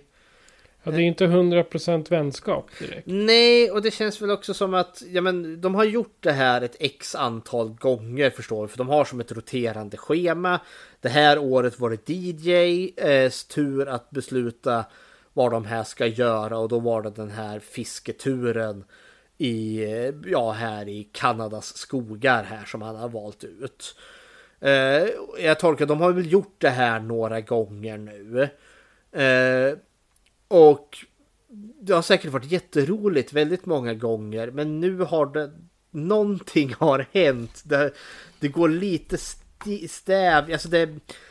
Någonting har brustit. Det är inte deras... Alltså de är inte kompisar längre. Det här är, det, det känns som att det är någonting som vi har alltid gjort det här så då kommer vi fortsätta. Jag, jag tror nog att de är kompisar men det har kommit in saker i deras liv så luften behöver den behöver ventileras, men den är inte ventilerad. Mycket känns som att det går tillbaka till den här karaktären Martin som har haft, i och med att han har haft ett, eh, ja men han har eh, haft en utbrändhet eh, och eh, har blivit så här företagsläkaren, vilket Mitzi eh, ser ner på väldigt hårt. Eh, och den yngre brorsan DJ, han, den här, han som är den driftiga friluftsmänniskan här som också är plastikkirurgen som ska ge folk nya kukar. Eh, han, han är ju hurtig och eh, han är väl den som vill lyfta upp. Alltså eh, han- brorsan sin är på dekis och det, han vill väl hjälpa sin bror såklart. Men vara den här hurtiga och glada. Men eh, vi förstår ju också att det finns ju en skism där eftersom att han håller ju på att lansera den här för stora kuk ingreppet han har var på han eh, Harry, våran huvudperson ställer honom frågan, ja är det etiskt då? Is it ethical? Och så bara går han ut därifrån med näsan höjd i vädret. Var på Didier slår näven i bordet. Vad fan kommer han där så jävla high and mighty? Eh, rättfärdighetens furste där. Så det, det finns ju en skism där också. Och Mitzi vill rekrytera Harry till sitt bolag som heter The Bellevue Clinic. Eftersom att, men eh, Mitzi arbetar bra på The Lakeview eh, ja, hospital antar jag då, som neurokirurg. Så där har vi också en slitning liksom. Ja, de vill. Den enda som verkar vara glad att vara där, det är den här stackars Abel. Han, som vi inte riktigt vet vad han är för typ av kirurg. Han är den enda som är där och fotar och skämtar och liksom. Han är den som verkar vara genuint glad i det här gänget. Ja, men det, så det är en grupp som är skev redan från start. Och sen när... Och, det vis, och de lever kanske i alltså, hårda arbetsliv såklart. Liksom, så de, de arbetar inte 40 timmar i veckan de här herrarna. De arbetar säkert sjukt intensiva pass. Långa, hårda och de arbetar också med så liv och död situationer. Så de har ju säkert också liksom en liten grövre form av humor. De är lite luttrade när det kommer till just liv och död. Syn på människan och kroppen överlag. Jag tänker det spiller igenom lite. Eh, men de faller isär jävligt snabbt. När hotet väl börjar göra sitt. Och jag tycker att det, det Ja, vi kommer ju till hotet sen. Men det finns ljusglimtar. Det som är Harry, eller Harry, han våran rättfärdighetens första här. Han är ju den som är den som vill göra rätt. Medan Mitzi är den som vill sätta sig Uh, han vill sätta sig och Harry i säkerhet. Skit i de andra. Eh, uh, Medan eh, Martin är ju den som blir skadad och behöver hjälp. DJ försvinner ganska snabbt. Han är ju den som lämnar gruppen. Och Abel är ju den första att dö. Eh, ganska snabbt in när hotet väl börjar göra sitt. Så de som det, som det är kvar mest kring är ju Harry, Mitzi och eh, Martin. Och det är där liksom majoriteten av spänningen uppstår, de här tre männen sinsemellan. Problemet här är att deras eh, karaktärer blir inte karaktärer utan att de är, är tillsammans. För man, man kan liksom inte ta en... Nu eh, k- kommer jag inte ihåg namnet på den som är kvar till sist. Men det är Harry. Han är ju den som, som man kan samla ihop som en typ individuell person. Men de andra fyra tycker jag inte är mycket mer än bara kanonmat. Känns det som. Ja, ja, ja. De är inte särskilt likable. Nej, likeable är de inte. De är komplexa människor. Men anonym kanonmat tycker jag inte de är. Det, det, det, det, det så här skiljer sig den här från Fredagen-filmerna. Harry, Ja, är. Harry är ju verkligen den här, ja men den rättfärdige. Han som... Gruppens hjälte. Ja, ja, men han som vill göra det rätta. Eh, som inte anser att man kan lämna en skadad man i skogen. Eh, Medan Mitzi är ju den som anser att de visst kan göra det. Eh, och Martin är ju bördan för dem. Eftersom att han är den som de måste släpa på. Eh, och det är det som blir alltså kruxet för, ja men Harry har ju rätt tycker jag. För att, ja men jag skulle inte kunna dra mig till att överge en vän eh, som är skadad. Nu när, och, och så pass långt in i filmen så har de ju också förstått att de är jagade. Det finns någon som är någon eller någon, någon, någon eller några är ute efter dem. Eh, eh, och men jag känner att jag skulle nog inte kunna överge honom heller. Liksom min, min, min, min själ skulle gå under så jag har lätt att identifiera där. Men samma med då ja, med Harry som karaktär. Han kan inte riktigt. Men det kommer ju också med ett förfärligt jävla pris till det. Att de får ju kämpa så in i Norden. Eh, kontra Mitzi då. Eh, som vill överge honom. För att ja, men, de får en så mycket bättre chans. Han är mycket mer in i survival mode. Vi måste, han är den som hela tiden ifrågasätter vem är det i skogen? Vilka är det? Han tror ju under den längsta tiden att det är DJ som är ute och jagar dem. Ja, han som, eh, som går iväg Ja. för att skorna försvinner. Jajamensan. För att han är den enda som har packat extra skor. Och, det, och han, han går ju iväg, han ska ju söka upp en damm. Som finns utmärkt på kartan. För jag tänker att där finns det en damm, den är mänskligt byggd. En damm måste eh, upprätthållas och hållas efter och därför kommer det finnas folk där. Så då ska han gå dit och hitta hjälp. Men och han, och tolkningen han har är ju med att de har tjafsat och bråkat med varandra så tro, verkar han liksom tro att DJ utför någon form av hämnd på dem. Men att han då skulle ja, döda Abel som han sker ganska snabbt in här. Och sen skada sin egen bror med björnsaxen där. Ja, nej. Han, han verkar tro väldigt lågt om folk, denna Mitzi. Men samtidigt, ur ett överlevnadsperspektiv har ju Mitzi ganska rätt egentligen. För jag, jag känner ju själv när de har kommit så där långt in i filmen, liksom Martin har, är så pass sjuk, han får ju infektion i såret, han blir ju medvetslös och de måste släpa honom där. De är så jävla trötta, de är så jävla slut. Och de har... De vet ju inte vem eller vilka som är efter dem, men de vet att några är efter dem. Och liksom eh, Mitzi är helt övertygad om att den här... De som jagar dem nöter ju ner dem. För att de ska vara svaga och eländiga så de inte kan försvara sig. När Eh, när liksom det dödande slaget väl kommer. Så är liksom, jag, jag, ur det perspektivet ser jag det också.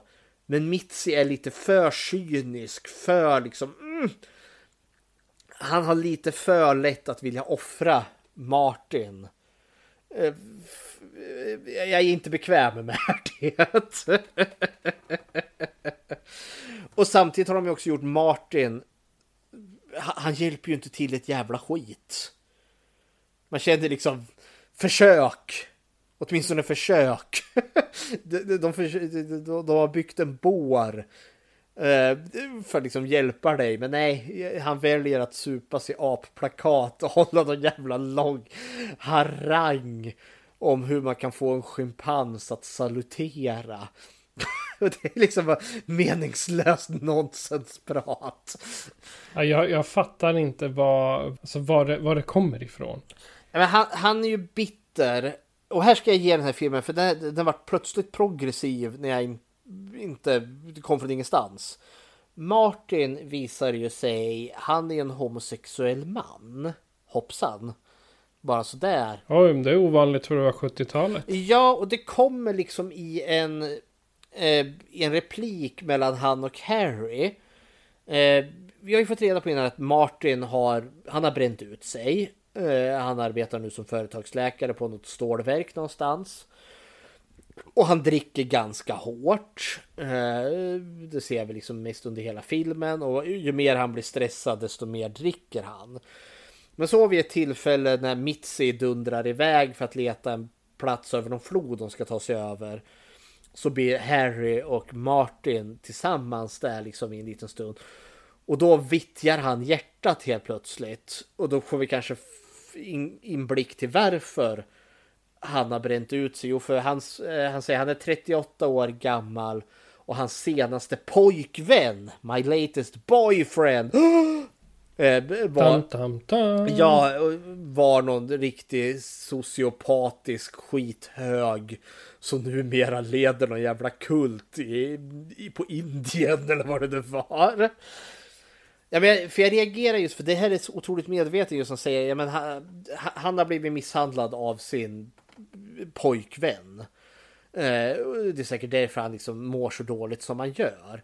Och det jag älskar är att Harry har en sån icke-reaktion på det. Vi får inte se han liksom, nej, oh, vadå, är han bög? Usch! Bä!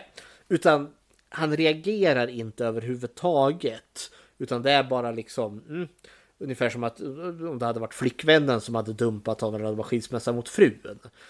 Och det känns otroligt jävla progressivt. Jag älskar det. eh, och, just, och det är också ett signum till varför Harry är då liksom, han är mer liksom upphöjd, han, han är en schysstare. För Mitzi däremot, han verkar ju också veta om det, för när de håller på och släpar på han, eh, då, då, då vrålar ju Mitzi ut, "Eh, Am I going to risk my life for this faggot? Ska jag eh, riskera mitt eget liv för den här bögen?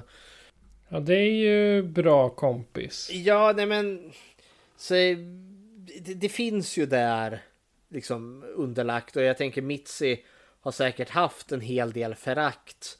Men jag, jag tolkar framförallt att Mitzis förakt ligger i att han har klivit ner i, i, i hierarkiarbetskedjan. Men han ser också ner på honom för att han är homosexuell. Jag vet inte om Mitzi rent av är homofobisk utan jag tror snarare att det kommer ifrån vart efter Mitzi är mer stressad, jagad och börjar mer liksom gå i survival mode. Han ser sig själv, sig själv, jag måste rädda mig själv. Så kommer otroligt negativa sidor av han fram. För jag tror liksom i andra sammanhang, för jag tror också Mitzi mycket väl om Martin väl skulle vilja ta hand om sitt alkoholmissbruk ja, då skulle han säkert få hjälp av Mitzi. Precis som av Harry och DJ och Abel också. Jag menar, de har ju kunskaperna. Det är ju, alltså de är vårdutbildade. Ja, det är, det är ju det som är grejen. De är ju doktorer. De har liksom gjort en... Alltså, samtliga är där för att hjälpa människor som är sjuka på ett eller annat sätt. Kanske inte DJ då som har gjort en karriär på att operera stora kukar på folk. Men... Ja. Usch, det där kommer sitta i, i mitt huvud länge nu. Oh, operation to go to the big dicks. Men det är bara att gå in på Pirate Bay. Där finns det piller. Det gör någon reklam för. Så att man, ja, du, du kan ta det där. Det är billigt också. Det är, och eventuellt tolkar jag lite som att kanske Martin hade lite varma känslor till Abel. Eh, Men Abel i sin tur, han har ju fru och barn får vi reda på. Och Abel är det som jag kanske tolkar. Eh, han är lite för happy-go-lucky. Så han har inte gjort den här kopplingen överhuvudtaget. Han, han, tolkar, han fångar inte Martins signaler. Där han liksom i fyllan och villan vill lite på tu man hand samtala med Abel. Och stackars Abel, han är den enda som är happy-go-lucky. Eh, han är inte riktigt med i intrigerna här, han är bara här och har en trevlig stund. Och han är den första att dö där. Han är väl den enda som inte go through the shit show. Utan han, han blir ju, han får ju skallen inslagen och nerslängd från en klippavsats. Där sen landar död ner framför stackars Martins fötter. Åh. Ja, jag tycker synd om honom. Ja, nej men om man nu ska se vad, vad resten av de här männen går igenom så kom ju Abel lätt undan. Hans död var snabb och plötslig. Medan resten, Ja. alltså det, det här är ju en jävla, alltså det är ju en riktig jävla helvetes skildring egentligen.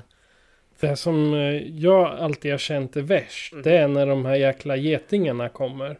Ja. Och liksom de är tvungna att släppa allting och så i, i vattnet för att komma undan dem. Men eh, sen vet inte jag varför getingarna slutar jaga dem. Jag menar de behöver ju bara vänta ovanför vattnet.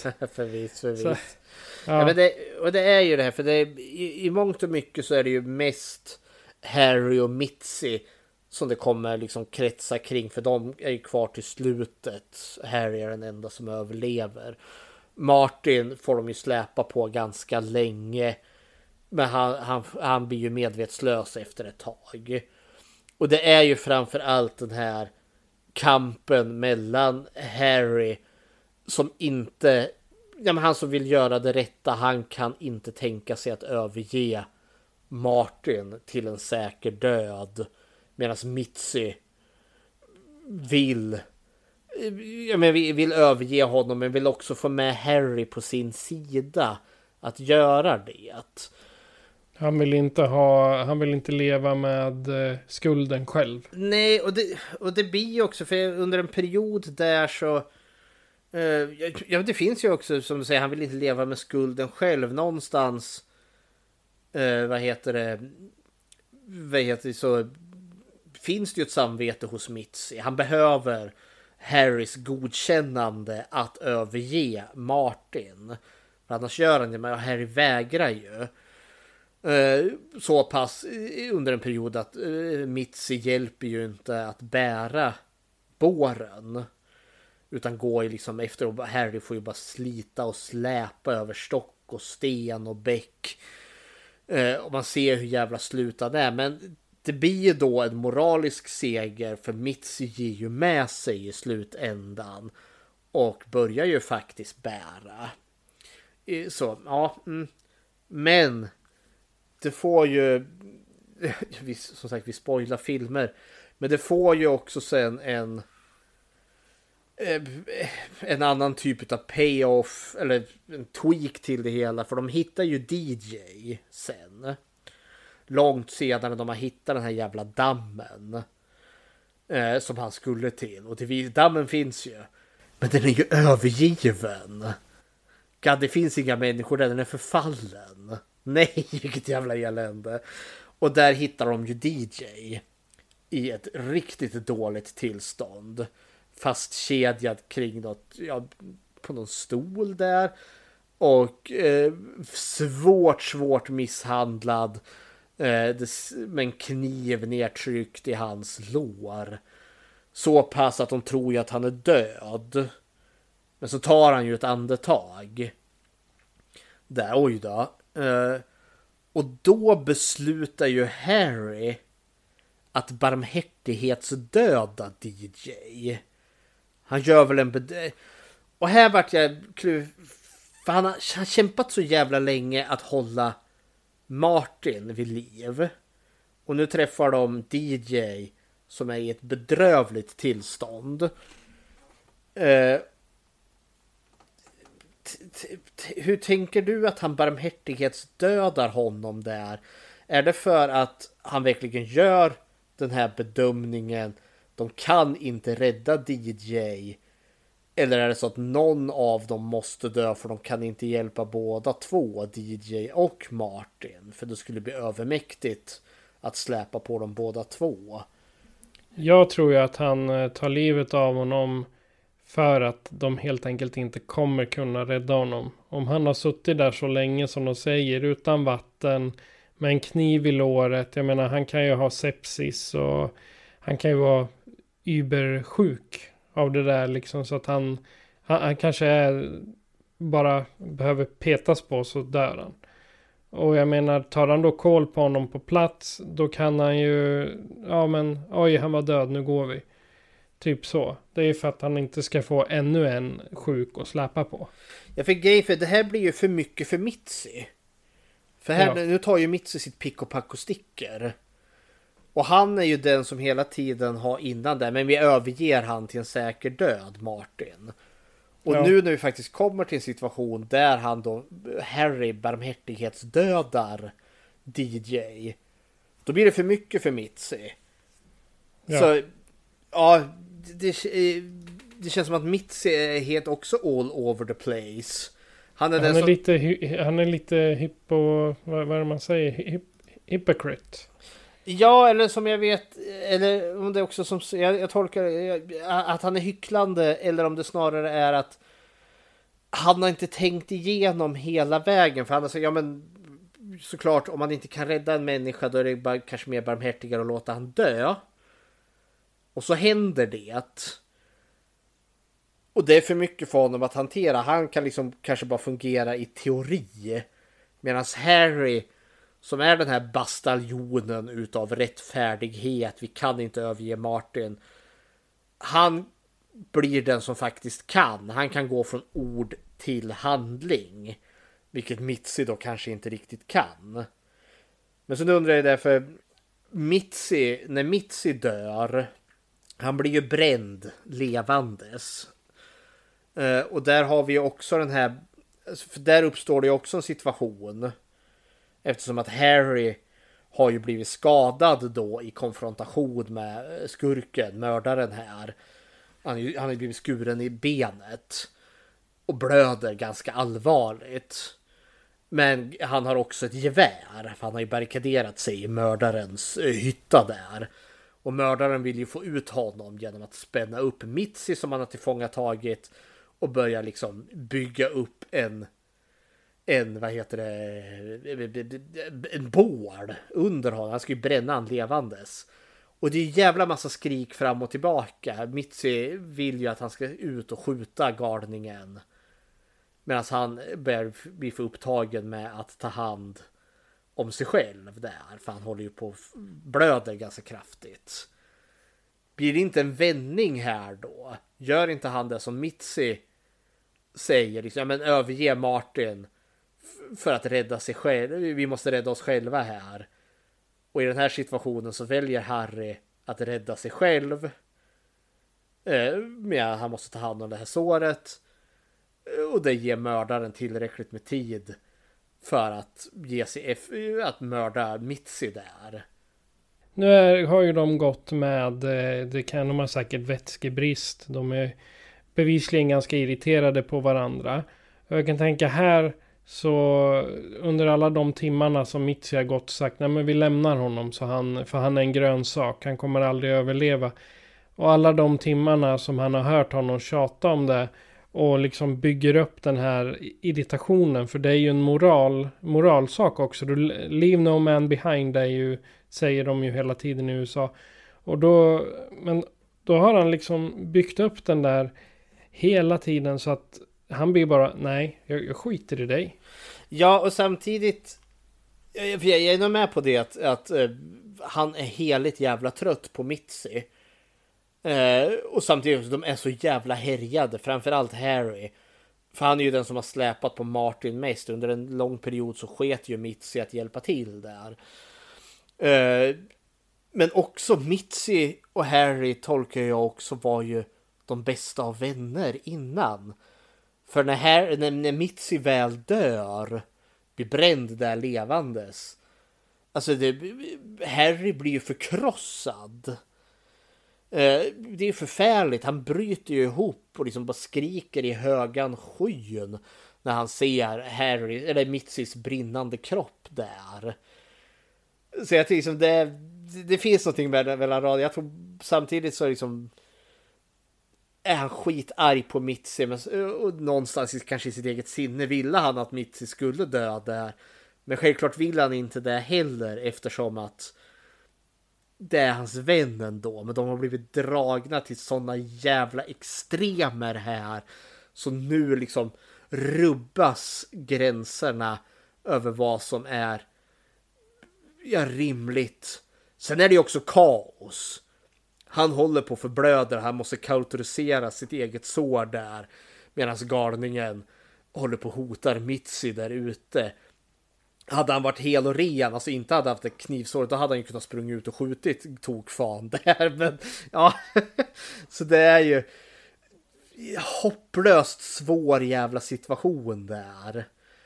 Och jag känner också, för visst Mitzi är ju kanske, för jag känner att Mitzi är inte the bad guy. Även om han har varit kanske den minst moraliska av dem alla där. Så, Han är väl meningen att eh, han är den man ska tycka minst om. ja, men samtidigt ogillar jag honom inte för liksom han, han- är en counterpoint till just Harry. Eh, och jag känner också liksom att det han kommer med är inte orimligt heller. Även om han framför det på ett väldigt osympatiskt sätt. Ja, kära värld. Alltså jag... Det är det här som jag tycker är det briljanta med den här filmen. Det är Just de här relationerna som uppstår i den här överlevnadssituationen. Som den här filmen har. Det är det som är grejen med den här filmen. Definitivt. Jag tänkte, ska vi prata lite om platsen också? Ja. Ja, den här spelas ju in i eh, Ontario i en eh, nationalpark där. Och bara några år innan de eh, spelade in den här så hade det varit en stor skogsbrand där. Ja, jag kan tänka mig för Mm. eh, där i slutet så är de ju verkligen ett ödeland. Ja, alltså träden överhuvudtaget runt om där de spelar in så ser man lite här och var att de är brända och Ah. trasiga. Så där de spelar in är ju precis att eh, naturen har återhämtat sig. Mm. Och det, men- det kan du ju se över eh, där Hällabrännan och Mm. runt Västerås där, skogsbränderna. Det är ju snart tio år sedan det hände. Vi åkte där förra sommaren på semester och tittade och man ser ju sakteliga börjar det komma upp. Alltså att naturen tar tillbaka det, de brända träden där. För det, det kommer upp under där, där som har brunnit. Ja. Och det är samma här. Ja men det... Ja, för, för vi är ju verkligen i urskog. I, platsen i filmen heter ju, det kallas ju för The Cauldron of the Moon. Eh, eftersom det finns någon uh, uh, legend där då att back in the days, just här rörde månen vid jorden. Uh, så därför har det då blivit en dal här. Och, ja, och det växer tydligen eh, mycket så här medicinska örter här. De amerikanska urinvånarna hade det här som samlingsplats för sina medicinsk, eh, sin medicinska örter och vad schamanerna använde.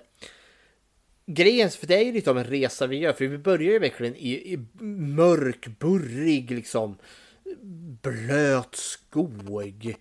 Och så går vi genom de här, ja, i floden där när de eh, måste frakta Martin. Och sen kommer vi ju in i det här karga landskapet, den här där skogsbranden har varit. Så vi går ju verkligen, det är ju så som en resa från liksom den här täta mörka skogen full med liv. Och sen ju längre vi går in på resan så går vi ju mot död. Eftersom att, ja men i början så är de fulla med liv och kraft. Så liksom platsen blir ju verkligen en symbol. Resan tör ju på dem i slutändan så är de som liksom eldhärjade kalhyggen. Där liksom knappt ork och mänsklighet finns kvar. Så eh, allt är ju på naturliga platser. Vi är ju verkligen i skog, vi är, allt är ju liksom på plats. Det är väl därför det är lite wonkigt med ljussättningen ibland. Men jag älskar det. Oh, vad det är awesome. Och shit vad många gånger jag kände som att det här måste varit livsfarligt att göra. För det känns som att säkerhet kanske inte riktigt var hö- högst upp på listan när de gjorde den här filmen. Nej, det, det känns inte så. Men, men jag tänker här också. Du, har du, du vet när man är uh, ute och går och så kliver man på gr- en grusgång. Mhm. Har du känt eh, om du är barfota? Har du gjort det någon gång? Ja, jo. Ja, men det... Och här har de alltså hela filmen och går tekniskt sett barfota genom skogen. Ja, de har ju gjort lite provisoriska mm, ja, tälten eller vad det nu är. Liksom har de ju gjort något. Så att, det, ser ut så att de har något som skyddar fötterna. Men det är också det som är med liksom, att naturen i sig blir ju ett hot. För just, ja men, man trampar på stock och stenar och sen alla gånger de vadar i floderna liksom på de här hala slemmiga stenarna eller vassa kanter som de trampar på. Alltså det känns ju verkligen, alltså miljön tär ner dem. Och de ser ju ut som fan, eller Harry ser ut som fan närmare slutet. Han gör ju det. Ja, nej men jag gillar för det är också platsen i sig, den här miljön, the cauldron of the moon. Den här djupa, burriga skogen. Eh, jag får ju verkligen känslan av isolation. Eh, jag är verkligen långt utanför mitt element här. Eh, och ja, jag har ju vuxit upp och sprungit lite i skogar så man, man känner ju lite de här, man känner dofterna. och jag älskar alltså, filmer som utspelar sig sån här, alltså riktig urskog. Då blir jag glad. Trots att den här filmen är mörk och hemsk. Ja, den är ju det. är det dags för hotet då? Och vi är redan inne lite på alltså. För det finns ju det yttre hotet. Och det är ju i form av en vansinnig. eh, Vad heter det? Militär. Amerikansk soldat. Ja, en amerikansk soldat som jag förstått har stridit i andra världskriget och blivit skadad Eh, och blivit opererad på dem men har då fått en ganska dålig operation. Han måste ha blivit skadad i ansiktet. För, för vi får ju se han sen i slutet och då är han ju horribelt vanställd. Eh, och han lämnar ju också efter sig så här röntgen. Eh, plåtar av hans skalle. Så att de förstår liksom att, ja men oj vad fan. Han är ju, har ju blivit vanställd här. Och jag, jag tar, och han hyser ett hat gentemot doktorer. Han vart skadad i krig. Och de var klåpare, den doktor eller de doktorer som tog hand om honom. Och han har säkert ont. Eh, har blivit vanställd. Och så får han ju reda på att de här männen är doktorer och nu tar han ut sitt hat och sin ilska på dem. Men han lyser ju väldigt mycket i sin frånvaro. Han är närvarande utan att vara närvarande. Exakt. Eh, för vi har ju liksom det inre hotet, den här stridigheterna mellan Harry och Mitzi. Eh, men det är ju han, galningen här, som är katalysatorn för det. Och jag gillar också att det är så förrädiskt enkelt. Han tar deras skor. Och så är vi ju, ja men precis som du säger, det, gå barfota på en grusgång. Det gör ju ont, det är jätteobekvämt. Så det börjar ju där, liksom, han gör det obekvämt för dem. Eh, och- så, och där börjar nednötningen utav deras ja, allmäntillstånd. Och sen, Alltså han nöter ju ner deras, deras ork Mhm. för att de ska vända sig mot varandra. Ja, Det är det som är slutmålet så att säga. ja. Eh, och sen har han ju också psykisk terror mot dem. Han eh, lämnar ju det här, det här, vad heter det, mm, kadavret utav den här hjorten. Det, det huvudet är äkta. Det är ingen propp. Mm. Nej. Han kastar ju den här, eh, vad heter det, bi- bisvärmen på dem. Han har ju liksom ett eh, getingbo där.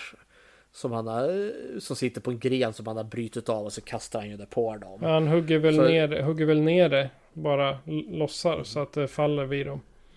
Ja, men sen han, eh, det det är ju han som dödar Abel också, så han är ju fysisk. Men han gör ju det mitt i kaoset som uppstår där med, eh, vad heter det, med getingarna där.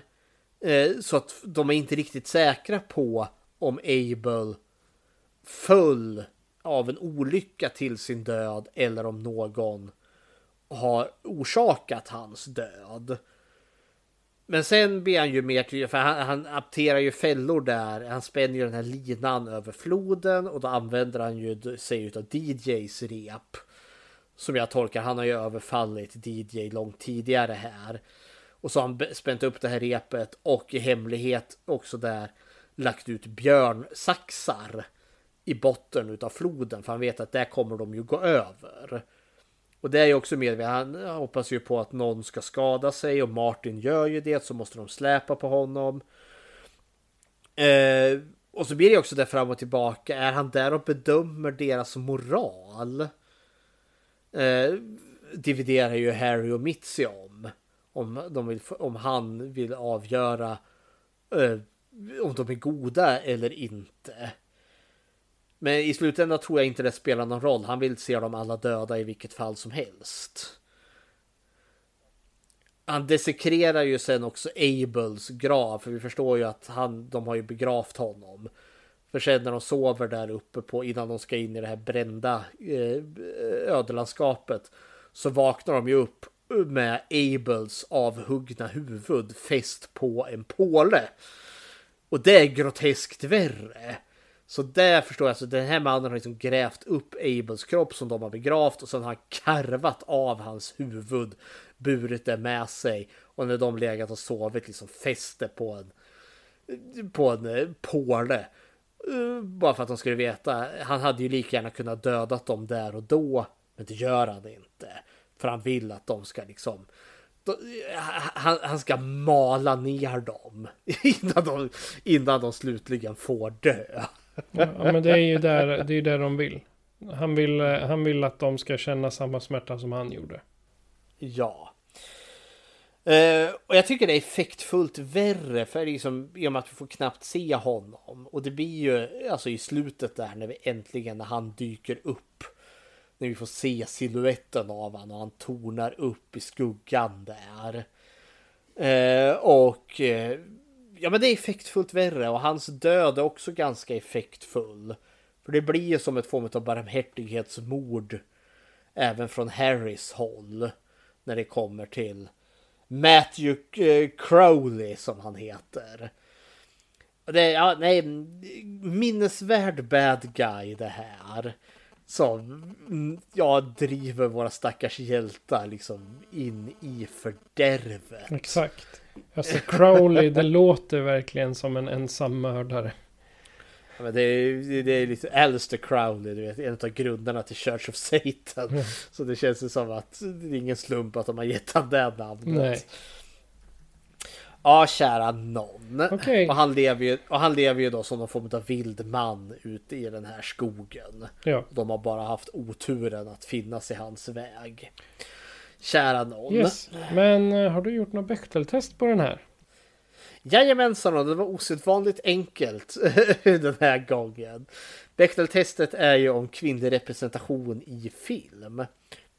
Och frågorna är ju tre. Finns det två eller fler namngivna kvinnor i filmen? Möter de någonsin varandra? Och om de gör det pratar de om någonting annat än män? Och nej! Fråga nummer ett. Vi har inte en enda namngiven kvinna i den här filmen. Vi har en kvinna som sitter i receptionen där på den där restaurangen. Som de sitter i början när de väntar på flygplanet. Då finns det en kvinna där bakom bardisken.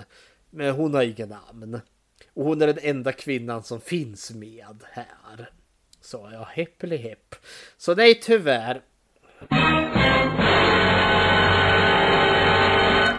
Ja, det är väl inte så konstigt där.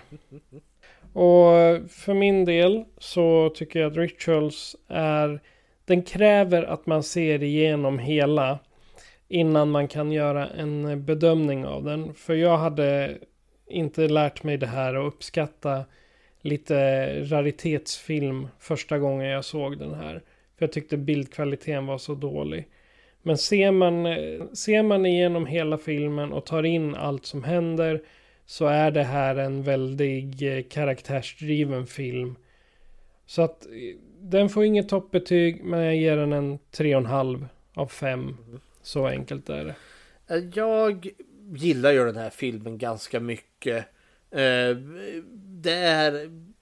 Men jag har sett den mer än en gång och den här filmen gynnas av att se den mer än en gång för det finns nyanser till sig. Den är en riktig slow burn. För den här, istället för att ha en kavalkad mord så är det ju den här långsamma nedbrytningen av de här männen som är centralt. Eh, och jag gillar också liksom att det finns olika perspektiv till det hela. Ingen är en tydlig hjälte, ingen är en tydlig skurk egentligen. Till och med mördaren i den här filmen har sympatiska drag till sig. Även om allt det han gör är rysligt fel. Men eh, sen är det det här knöliga med just eh, bildkvaliteten. Eh, ja, man får... Det finns otroligt många dåliga utgåvor av den här. Eh, Scorpions utgåva är väl den enda att ja, se egentligen. Men jag tycker den här är rysligt bra. Eh, jag förstår om den inte kommer falla folk på läppen för den har ett speciellt tempo. Eh, men jag tycker det här är en sjuhelvetes resa. Eh, och jag kommer ge den en fyra och en halv. Det är inte mästerverk på det sättet, men jag tycker det här är en stark eh, film. Eh, som jag faktiskt nästan föredrar mer än den sista färden. Men, och jag vill alltså shout-outa den här för att det är en doldis till film. Men som sagt, eh, vill du ha en mer liksom eftertänksam film med ett mer karaktärsdrama. Eh, då är det här men eh, en film för dig. Men är du mer ute efter en wrong turn. Med, liksom, med, med slaskiga mord och en hemsk incestfamilj. Ja, då är inte det här din film. Så, ja, hepp. Om ni någonsin känner er sugna på en riktig adrenalinkick och en dos av överlevnadskamp. Då vet ni nu vilken film ni ska ta fram nästa filmkväll. Och ni kan väl berätta vad ni tyckte om den här för oss genom att göra så här. Skräckfilmscirkeln presenteras av Patrik Norén och Fredrik Rosengren. Produktion FPN Productions. Besök skräckfilmscirkeln.com för att hitta var du kan lyssna på oss, hur du kan stödja oss och hur du kan kontakta oss. Vill du diskutera filmerna i avsnitten är du välkommen att gå med i gruppen Skräckfilmscirkeln Eftersnack på Facebook. Tack för att du lyssnar.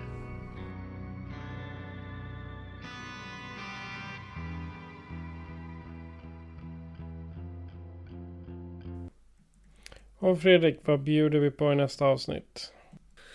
Ja, nu har vi haft en liten seriösare film här då med nyanser och undertoner. Eh, eh lite tung och eftertänksam. Då behöver vi något mycket mer lättsammare. Och vi är ju fortfarande i the year of the shark. Så nu är det dags för en öl och popcornfilm. Så nu kör vi då The Deep Blue Sea. När de genetiska dödshajarna tar över ett undervattensstation. Och äter upp Samuel L. Jackson. Spoiler! ja. Så håll er säkra, håll er skrämda och håll koll på era vänner när ni är ute i naturen. Och innan vi avslutar det här avsnittet så vill jag påminna er om att vi har väldigt mycket awesome merchandise nu på hemsidan. Och om ni någonsin känner er ensamma i skogen och hör mystiska ljud så glöm inte att ta med en spegel för att dubbelkolla era ritualer. Eh, jag heter Patrik. Och jag heter Fredrik. Du har lyssnat på Skräckfilmscirkeln.